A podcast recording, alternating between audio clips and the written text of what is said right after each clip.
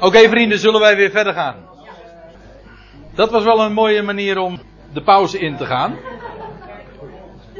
Met een mooi onderwerp over uh, pneumatisch en psychologisch en psychiatrisch. Sommige mensen hebben er moeite mee om dat uit te zeggen. Die zeggen dan psychiatrisch. Ja, pneumatisch. Ja, pneumatisch uh, boren. Ja.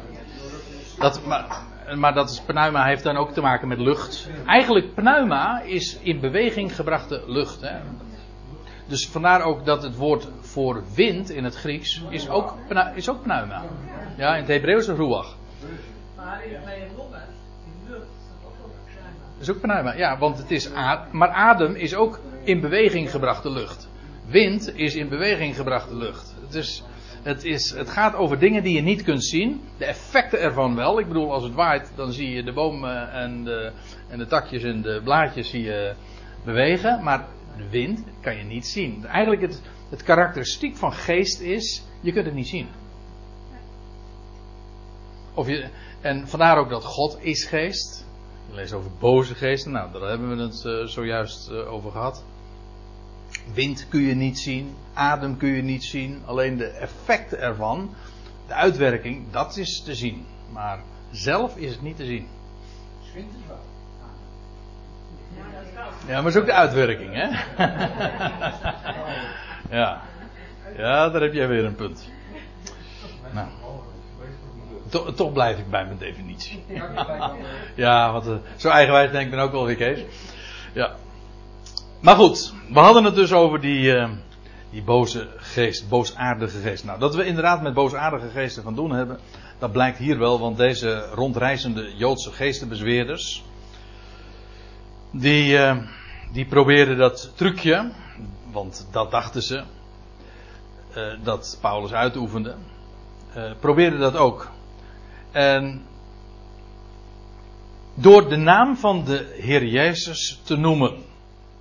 Zij dachten van, ah, karakteristiek in dat wat Paulus doet en in alles wat hij doorgeeft, dat is de naam van de Heer Jezus. Wel, dat hadden ze wel opgemerkt. Dus zeg maar, dat gaan wij ook doen. Maar zij dachten dat het een, ja, een, een truc was en winstgevend vooral. Hè? Want vergis je niet, dat is natuurlijk wat, uh, waar de mens, en daar hoef je niet alleen maar een Nederlander voor te zijn, maar de mens in het algemeen is daar erg gevoelig voor. Voor de effecten van op de portemonnee. En uh, eigenlijk Handelingen 19 is daar een heel mooi voorbeeld ook van. Maar daar zullen we het uh, vooral het volgende seizoen, in het begin van het volgende seizoen, over, over hebben. Je leest dat trouwens ook in, al eerder in Handelingen 8 dat is dan als Filippus in Samaria is. En dan lees je ook dat daar geweldige wondertekenen plaatsvinden. En vooral als dan Petrus uit, en Johannes uit Jeruzalem gekomen zijn. En, nou ja, ik, laat het even voorlezen. Ik heb er geen diaatje van. Maar in Handelingen 8, vers 18. Daar staat dit. En Toen legden zij, dat wil zeggen Johannes en Petrus, Petrus en Johannes die uit Jeruzalem gekomen waren, hun de handen op en ze ontvingen Heilige Geest. Precies eigenlijk wat we al eerder zagen. Toen, uh, en toen Simon zag, dus het was een demonstratief gebeuren, toen Simon dat, uh, zag dat door handoplegging der apostelen de geest werd gegeven, bood hij hun geld aan en zeide: Geef ook mij deze macht, opdat als ik iemand de handen opleg, hij Heilige Geest ontvangt. Maar Peter zei tot hem: Uw geld zij, u, zij met u ten verderven. Daar gij gemeend hebt de gave van God voor geld te kunnen verwerven. Je part nog deel aan deze zaak, want uw hart is niet recht voor God. Nou ja, enzovoorts. Maar dat blijkt ook hier weer natuurlijk. Het wordt gezien als een truc en vooral voor geldgewin. En, afijn. Zij noemen ook de naam van de Heer Jezus met de woorden: Ik bezweer u bij de Jezus die Paulus predikt. Hé, hey, wacht even, ik dacht dat ik daar een diaatje van had. Nee, die is eh, weggevallen dan. Ik had er een diaatje van gemaakt. Ehm, want er staat eigenlijk letterlijk: Ik bezweer jullie uh, bij de Jezus die Paulus proclameert. Oh, wacht even, die krijgen we nog. Nee, ik ben, uh, ik ben eventjes uh, in de war. Nou, en er staat er als opmerking tussendoor even nog bij wie die gasten waren. Het waren nu zeven zonen van een zekere Skevas, een Joodse overpriester. Eigenlijk, als het woordje overpriester in het Nieuwe Testament gebezigd wordt, dan staat daar eigenlijk gewoon het woordje hoge priester. Dat klinkt misschien wat vreemd, want een hoge priester is toch een heel exclusief ambt. Hè? Er is maar één, er is maar, officieel er is maar één hoge priester. Maar dat, dat, blijkt in het Nieuwe Testament niet het geval te zijn. Het is namelijk een aanduiding van een heel, het, mensen uit het hoge priesterlijke geslacht. Trouwens, dat was ook weer wat uh, per jaar. Je leest van, uh, van Caiaphas, dat, die, dat was degene die dus Jezus veroordeelde als hoofd van het Sanhedrin. Hij was de hoge priester van het jaar. Dus dat was een, jaarlijks rolerend ambt, wat dan in de familie zeg maar doorging. Maar deze Skefas is trouwens buiten de Bijbel uh, niet bekend. Heb ik uh, vernomen. Maar in ieder geval hier in Handelingen 19 wordt hij genoemd.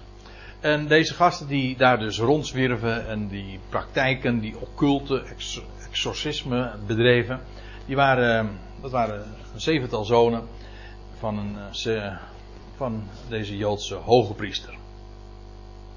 Dat wordt dus nogal benadrukt. Het waren Joodse mensen en niet eerst het beste ook nog eens een keertje. Ze kwamen uit het hoge priesterlijk geslacht. Alsjeblieft. Maar staat er dan, de boze geest antwoordt. En het is ook weer opmerkelijk. Dat betekent dus niet de patiënt die hier spreekt. Er, die, die patiënt is eigenlijk ook in dit geval met recht bezeten. Dat wil zeggen, hij wordt bezet.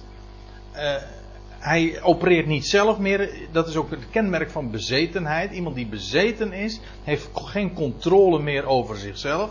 Maar die wordt beheerst, bezet door een andere geest. Of zelfs door meerdere geesten. En die kan dan ook specifiek antwoorden. Dat iemand eigenlijk helemaal ongecontroleerd dan uh, is. Eigenlijk dat, dan ben je met recht een patiënt hoor. Maar dan zie je, ook dit, bezetenheid is niet psychiatrisch. Dat is uitdrukkelijk niet het geval. Dat is echt pneumatisch.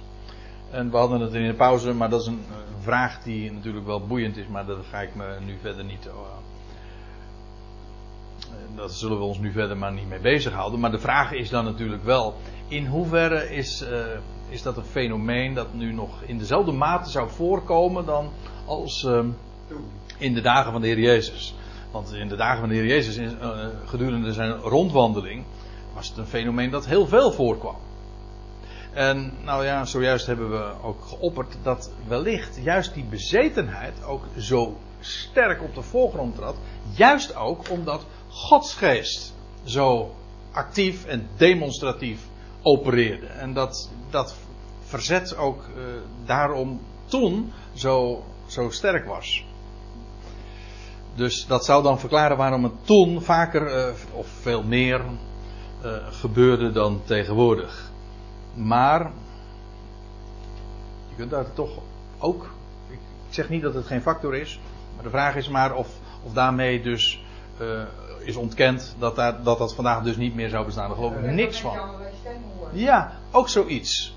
Ik, waarmee ik trouwens ook niet eens wil zeggen dat per definitie dat in dat geval dat iemand uh, dat hoort, dat iemand voortdurend uh, geregeerd wordt door inderdaad stemmen. En dan zeggen, kijk, dan zeggen we, ik bedoel in het medische model, ja, dat is een psychische aandoening. Maar daarmee op, op het moment dat je natuurlijk alleen maar ervan uitgaat dat de mens alleen maar hersenen zijn, is, bestaat een gewoon puur een medisch fenomeen is. En niet eens rekent met een geestelijke wereld. Komt het niet in je gedachten op dat dat inderdaad wel eens reële stemmen zouden kunnen zijn. Die jou inderdaad uh, tot bepaalde dingen aanzetten. En, en dat je echt beheerst en geleid daardoor wordt. Ja, voor mij leidt het geen twijfel. Dat uh, kunnen wel degelijk boze geesten zijn. Ja. Dus dat het maar niet uh, iets fictief is en dat je dat zomaar terug kan brengen tot het zielse. Nee, dat lijkt mij. Uh, dat, lijkt, dat lijkt mij nou ook heel ongenuanceerd. Om zomaar. om dat zo allemaal tot dat fenomeen te reduceren. Enfin, laten we even bij de tekst blijven. De boze geest, die boosaardige geest, die antwoordde en zei tot hen: Ja, nou, ik dacht dat ik deze dia kwijt was, maar zie je hier. Dan zegt de geest het antwoord: Jezus ken ik. En van Paulus weet ik, letterlijk zegt, letterlijk zegt hij: Van Paulus ben ik op de hoogte. Ja, want, die, want deze boze geest, en dan zie je trouwens ook dat, ze, dat die niet gek zijn. Ja, dat klinkt een beetje vreemd. Maar ze weten vaak veel meer. Ze zijn sowieso, hebben ze een enorme, kunnen ze een enorme power hebben. Dat zullen we ook nog zien. Maar ook dat ze op de hoogte zijn van dingen die ze eigenlijk niet kunnen weten. Je leest bijvoorbeeld van de, van Heer Jezus dat, dat hij dan uh, ergens komt in het land van de Gadarenen. En dat er iemand hem tegemoet komt, ook, wij zouden zeggen, een gek. Ja, maar dat hij meteen herkent, is van, jij bent Jezus, de zoon van de Allerhoogste. Hoe weet hij dat dan? Nee, die boze, die weet dat gewoon. Die geest, hij is bezet, of wordt, hij krijgt stemmen te horen van een geest die hem kan informeren over dingen die hij, zeg maar, puur vanuit de psychische waarneming, zeg maar, zintuigelijk, helemaal niet kunnen weten. Nee, maar zulke dingen spelen er allemaal. Er is zoveel meer tussen hemel en aarde en er is zoveel meer dan alleen ziel. Dat is het punt.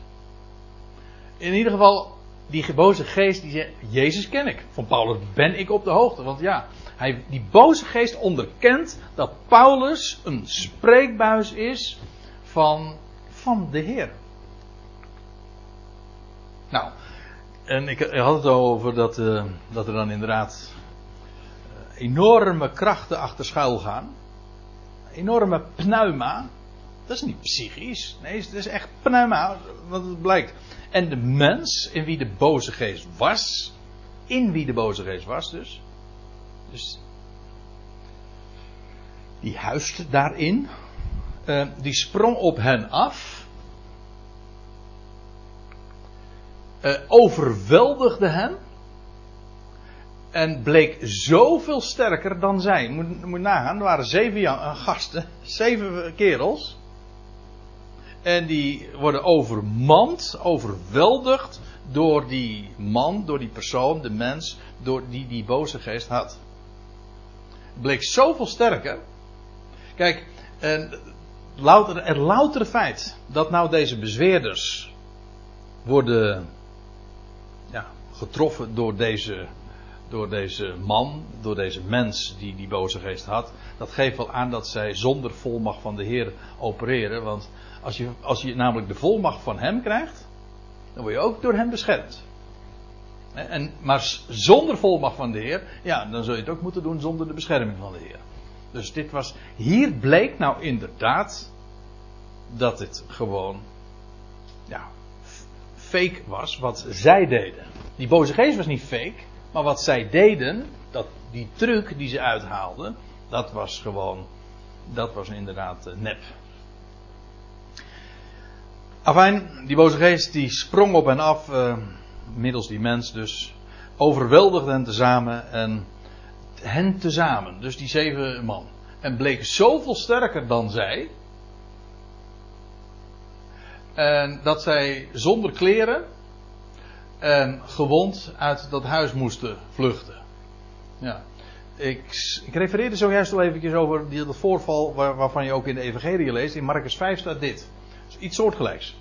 En dan staat er, en toen hij, dat is de Heer Jezus dan, hè, toen hij uit het schip ging, kwam hem terstond uit de grafsteden. Nou, dat is eigenlijk ook wel zo'n locatie, ja, waar hoorden die boze geesten? Dat is ja, in, in, in het gebied van de dood kwam hem uit de grafsteden een, een mens tegemoet met een onreine geest, die verblijf hield in de graven en niemand had hem meer kunnen binden, zelfs niet met een keten.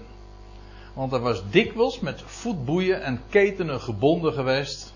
Dikwijls staat er nog bij, hè? En de ketenen waren door hem stuk getrokken en de voetboeien vernield. En niemand was bij machte hem te bedwingen.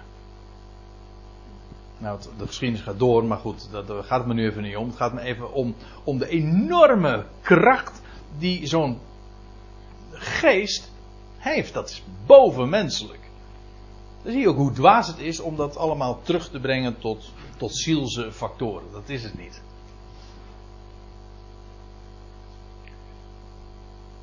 Kijk, eh, daar zat ik ook aan te denken toen ik eh, hier zo met de voorbereiding aan het knippen en het plakken was met die PowerPoint. Daar zat ik zo aan te denken van, kijk, wij als wij moderne westerse mensen, we lezen de Bijbel en je leest dan over dit soort dingen, dan wordt er al heel gauw dat een beetje afgewimpeld. Want ja, van ja, toen dacht men daar zo over. En dan, dan hebben we eh, de gedachte dat wij meer weten. Dat is hoogmoed. Wij hebben een bepaald, dat noemen ze met een mooi woord, een paradigma. Gewoon bepaalde vooronderstellingen waardoor we, waarna we naar de wereld kijken. En waardoor we ook de dingen verklaren. Maar dat is heel beperkend. Wij zeggen dan van ja, toen dachten ze dat daar allemaal geestelijke dingen waren. Het is omgekeerd, maar het is eigenlijk omgekeerd.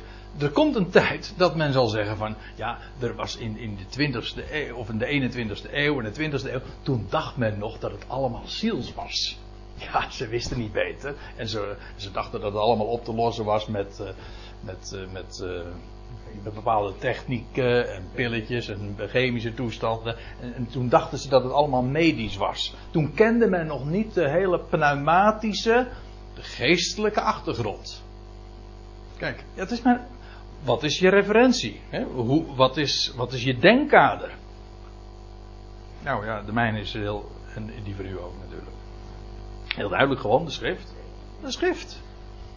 En die rekent niet alleen met het zielse, maar ook het geestelijke.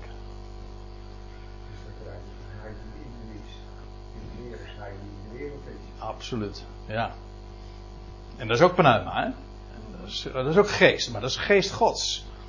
En dat zie je hier natuurlijk wel heel duidelijk gedemonstreerd. En wat Mini zojuist in de pauze even vertelde. Ik geloof, absoluut. Er is niets zo groots en sterk als de, als, de, als, als de kracht van het woord van God. Hanteer het maar en het zal zich altijd bewijzen. Dat hoef je niet te doen. Dat wij hoeven het woord niet te verdelen. Dat woord, dat is, laat de leeuw maar los. Je gaat toch ook geen, uh, je gaat toch ook geen uh, waakhond bij een, uh, bij een leeuw neerzetten. Hm? Dat is toch dwaas. Je hoeft dat woord niet te verdedigen. Het woord is krachtig, scherp. En het heeft power. Het is kracht gods. En nou ja, ik weet het, wij zijn geen apostelen, wij zijn geen afgevaardigden van Jezus Christus. Dit was een hele speciale tijd. Israël moest dingen duidelijk gemaakt worden. Dus het boek Handelingen, dat is niet te kopiëren naar onze tijd. Men probeert dat, dat zie je dus in de charismatische wereld ook. Men probeert die tijd gewoon te leggen op onze tijd. Ze zeggen van nou toen kon dat, dus vandaag ook. Ja, dan snij je de schrift niet, niet recht. Dat was een unieke tijd. De tijd van de apostelen. De tijd dat aan Israël dingen duidelijk gemaakt moesten worden. Maar één ding is duidelijk. En dat is dat woord van God is, was toen krachtig. Maar dat is het nu nog net zo. Dit. De schrift. Toen hadden ze trouwens deze schrift nog niet. Het Nieuwe Testament was nog. Het woord Gods was nog niet compleet. Wij, wij hebben dat compleet. Dat zwart op wit. Dit is de kracht. De power. Daarom. Een, een mens doet is niks verstandiger, niks wijzer dan een mens kan doen, zich daarmee bezig te houden.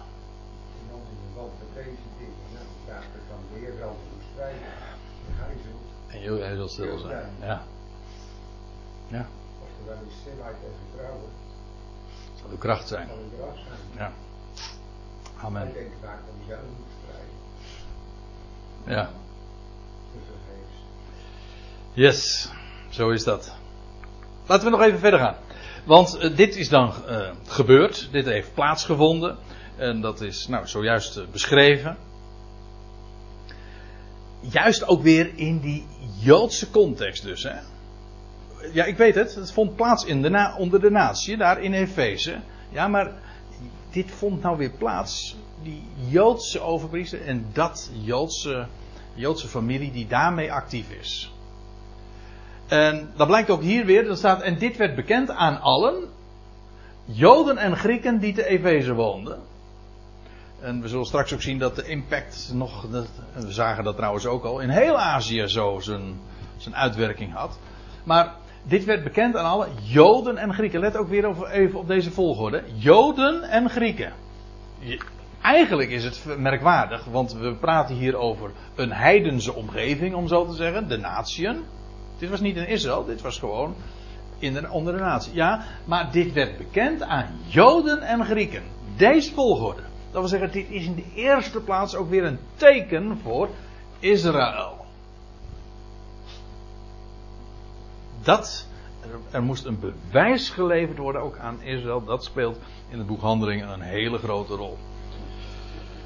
Dus alleen al het feit dat deze volgorde genoemd wordt, lijkt in eerste instantie onlogisch, want er waren toch veel meer gewone Grieken en, eh, en, en het was een minderheid die Joods was. En toch worden de Joden als eerste genoemd omdat zij in de eerste plaats een boodschap te horen, en te, ont, uh, te horen kregen en ontvingen.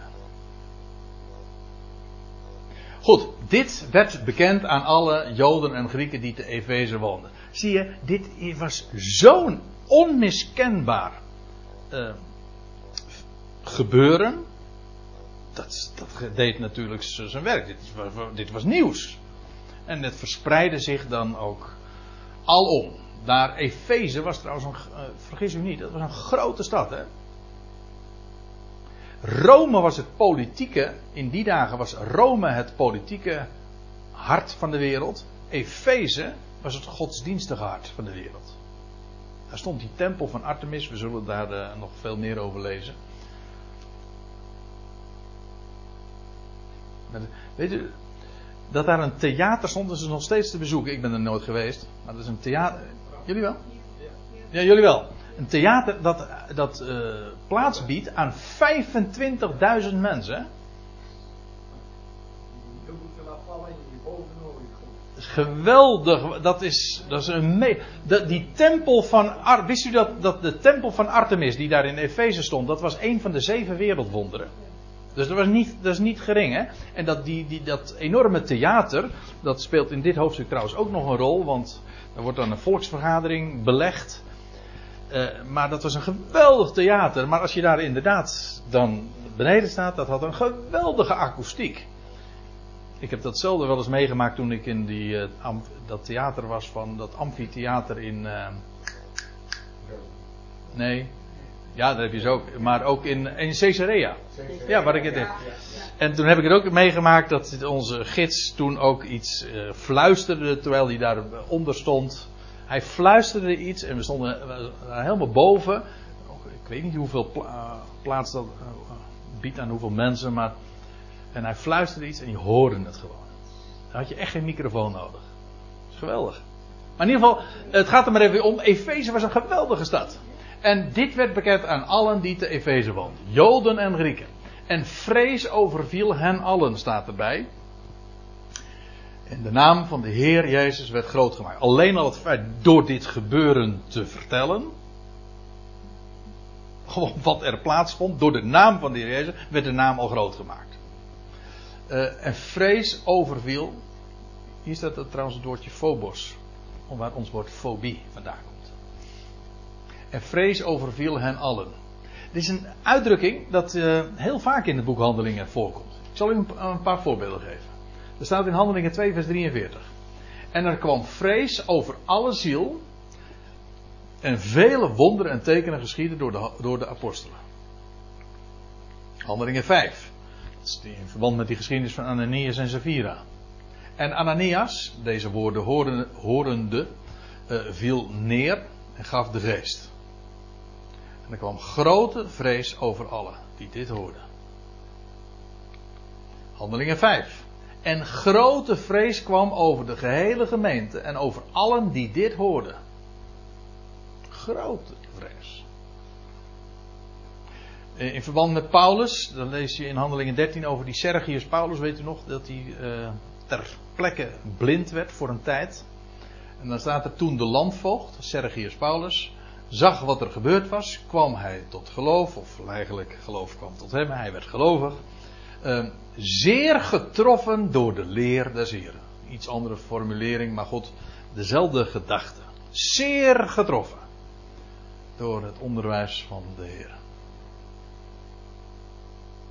De naam van de Heer Jezus, de levende Heer, werd groot gemaakt. En die levende Heer die manifesteerde zich, hoe? Wel, in zijn afgevaardigde. Door, de, door diens handen en door zin zijn arbeid. Feitelijk was, het was niet Paulus die dit deed. Het was de Heer zelf die door Paulus heen opereerde. De naam van de Heer Jezus werd groot gemaakt. En vele van hen die geloven geworden waren, kwamen hun schuldbeleid. Nou, dat woord schuld staat er eigenlijk niet eens. Ja. dat, uh, wordt, uh, dat soort uh, associaties worden er heel vaak in de Bijbelvertalingen bijgehaald. Um, maar ook het woord schuld staat hier niet. Er staat hier gewoon letterlijk openlijk beleidende.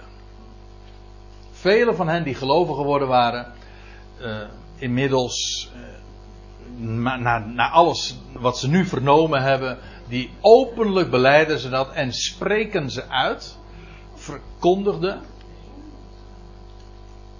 Wat zei je? Nee? Herziene staat misschien is slechter dan de oorspronkelijke staat. Is dat zo? Ja, bij herziene staat is de schuilletter zondige. Ja? Ja, dus dat En is hier staat uh, leidende en. Oké, okay, ja, dat is het. Ja, verkondigende, dat is dan inderdaad een ander woord. Um, maar inderdaad, dat woord. Ah, maar, trouwens, het, uh, het, fenomeen dat de herziene statenvertaling soms. Uh, nou, ik zit even te denken welke woordkeuze ik nou zou gebruiken. Hoe ga ik dat nou netjes zeggen zonder dat ik uh, daarmee uh, tegen hoofden. Of, uh, ja, en nou laat ik het zo zeggen. De, de herziende staatvertaling is op sommige punten. corrigeren ze dus vertaling. Terwijl het oorspronkelijk juist beter is. Er zijn een paar hele frappante voorbeelden. Hè? Blijven allebei vertalingen. Ja. Precies. Ja, nou, er werd, er werd zojuist in de pauze aan mij gevraagd van wat is, wat is, de, beste, wat is de beste Bijbel? wat is de beste Bijbelvertaling? Nou, dat ging toen over, over het Engels. Nou ja, daar heb, ik de, daar heb ik een heel eenduidig antwoord op. In Engels is voor mij zonder meer de Concordant Version. Maar ook dan, want toen kwam de vraag, is, daar staan geen fouten in. Nee, die zulke vertalingen bestaan er niet. Een vertaling blijft een vertaling. Het is een weergave. Het kan het heel dicht benaderen, gewoon door de hele methodiek, door het zo woordelijk mogelijk weer te geven. Maar een vertaling blijft een vertaling. Overzetten. Ja. Overgezet zijn. Ja, het gootje vertaalde, die bracht het zo, uh, schipper mag ik overvaren, dus overzetten. Ja. Ja, dat mag. Moet ik dan ook vol betalen? Ja. Leuk. Ja, je betaalt eigenlijk altijd een prijs Ja. door uh, als je gaat vertalen. Ja, een hele, hele, kracht, een hele negatieve benadering hoorde ik eens een keertje van uh, Pinchas Lapide. Ook een uh, Joodse rabbi. Leeft inmiddels niet meer, maar die zei van vertalen is verkrachten. Dat is uh, heel krachtig. Dat is heel. Heel krachtig. ja. Dat, ja, ik kan gewoon beter het Hebreeuws of Grieks lezen. Maar goed, dit is misschien wel erg ontmoedigend. Maar het geeft gewoon aan, met vertalen laat, blijven er altijd dingen, elementen in weg. Dat is niet te vermijden. Maar soms is het gewoon ook niet nodig. Het staat gewoon openlijk beleiden. Waar, hoezo, waarom moet je die schuld erbij halen? Dat staat er helemaal niet. Over? Dat. Ja, oké, ik begrijp wel waarom. Want het idee is natuurlijk dat zij, uh, zij beleden iets. Ja, wat dan? Nou, dat wat hun, uh, hun praktijken niet deugde natuurlijk. Dus daar komt wel een beetje de gedachte bij van schuld. Maar dat is niet wat in het woord zelf gezeten is. Ze beleden, openlijk beleiden ze en spraken ze uit. Hier wordt een, trouwens een woord gebruikt. Dat letterlijk betekent uh, vermelden in detail. Dus ze hebben gewoon eh, alles verteld en openlijk beleden wat zij deden. En toen las ik in de verklaring, vond ik wel interessant, ik geef hem zomaar mee, dat dit ook te maken heeft met de allerlei geheime bezweringsformules. Dat ze die gewoon ook zeg maar hebben gegeven. Van dat deden we allemaal eh, occult. Occult, weet u dat het eigenlijk le- letterlijk betekent verborgen. Dus eh, het gebeurde allemaal onder de onder een bepaalde dekmantel, heel verborgen. Niemand mocht het weten, het was geheim. En nu hebben ze het gewoon allemaal. Hè? Dus meer dan. Ook aan het voorgaande, ja. Van zulke bezweringsformulen. En de hele stad was vergeven, ook van dat soort praktijken. En eh, dat blijkt ook wel, want ze, ze, ze beleiden dat openlijk. En ze spreken dat uit tot in detail. Wat zij gepraktiseerd hadden. Hè? Ziet u wat hier. Nee. Ik dacht het wel. En dan staat er nog bij, en dat is het laatste wat ik nog eh, even wil eh, bij betrekken. En enige staat er van degene die. En enige, eigenlijk staat er aanzienlijk vele. ja. Dus dat, meestal wordt ook, ditzelfde woord wordt vertaald met talrijk. Velen. Oh, kijk. Dat, eh, ik had niet in de, in de nagekeken. Maar goed. Eigenlijk voldoende mensen, aanzienlijk velen. En enige van degenen die toverkunsten hadden uitgeoefend. Dat woord toverkunst is eigenlijk overbodige bezigheden. Dat is dan. Overbodige eh, kunsten. In de zin ook van zonderling. Ijdele kunsten. Ah, ah, staat het zo? Ah, wat grappig zeg dat ik nou zo, terwijl ik spreek, eh, allemaal dingen uit de Statenvertaling eh, aangereikt krijg. Die bevestigen wat ik nu eh, vertel. Ja. Afijn, ijdele kunsten hadden uitgeoefend en brachten hun boeken bijeen en verbrandden ze ten aanschouwen van allen. Nou, ik bedoel, al die rotzooi, wat moet je ermee? Gewoon in de fik steken. En wij hebben natuurlijk wat negatieve associaties met boekverbranding. Maar dat, eh, want dan denken wij vooral aan dingen die opgelegd zijn door de regering. En dan worden, mo- mogen bepaalde boeken niet meer eh, in huis eh, zijn en die moeten allemaal verbrand worden. Maar dit gebeurt dus vrijwillig. Mensen gewoon die hun boekenkasten leeg trekken en al die troep weg ermee. In de hands. Gewoon demonstratief eh, afstand van doen. En ehm, dat dat inderdaad nogal aanzienlijk was, blijkt wel, want er staat. En men berekende de waarde ervan en stelde die vast op 50.000 zilverstukken. Dat is trouwens geen ehm, monetaire eenheid of zo. Het is niet helemaal duidelijk wat het precies is geweest. Maar men denkt, eh, ik las het getal van miljoen, dat is een oude uitlegging, miljoenen guldens. Dat is toch heel wat. Hm? Afijn, 50.000 zilverstukken. En nou, het laatste vers wat ik bespreek, want vanaf vers 21 begint een nieuw gedeelte. Zo wies het woord des Heren krachtig. Wies is de verleden tijd van wassen. En wassen is het oud-Nederlands voor groeien. Ja. Ja, toch? Vol wassen, dan ben je vol groeit. Zo wies het woord des Heren. Eigenlijk staat er, en naar de kracht van de Heer groeit het woord. Ja, wat betekent dat? Hoe kan het woord groeien? Wel gewoon, het breidde uit. Het woord breidde uit van invloed. Het was eerst alleen maar bij een paar en het woord kreeg een steeds groter impact bij veel, steeds meer mensen. Zo groeide het woord. Hè? Dat is wasdom. Ja, dat is echt de groei. Van het woord en het werd. Nou, sterker niet. Het was sterk. Ziet u? Dat vond ik leuk.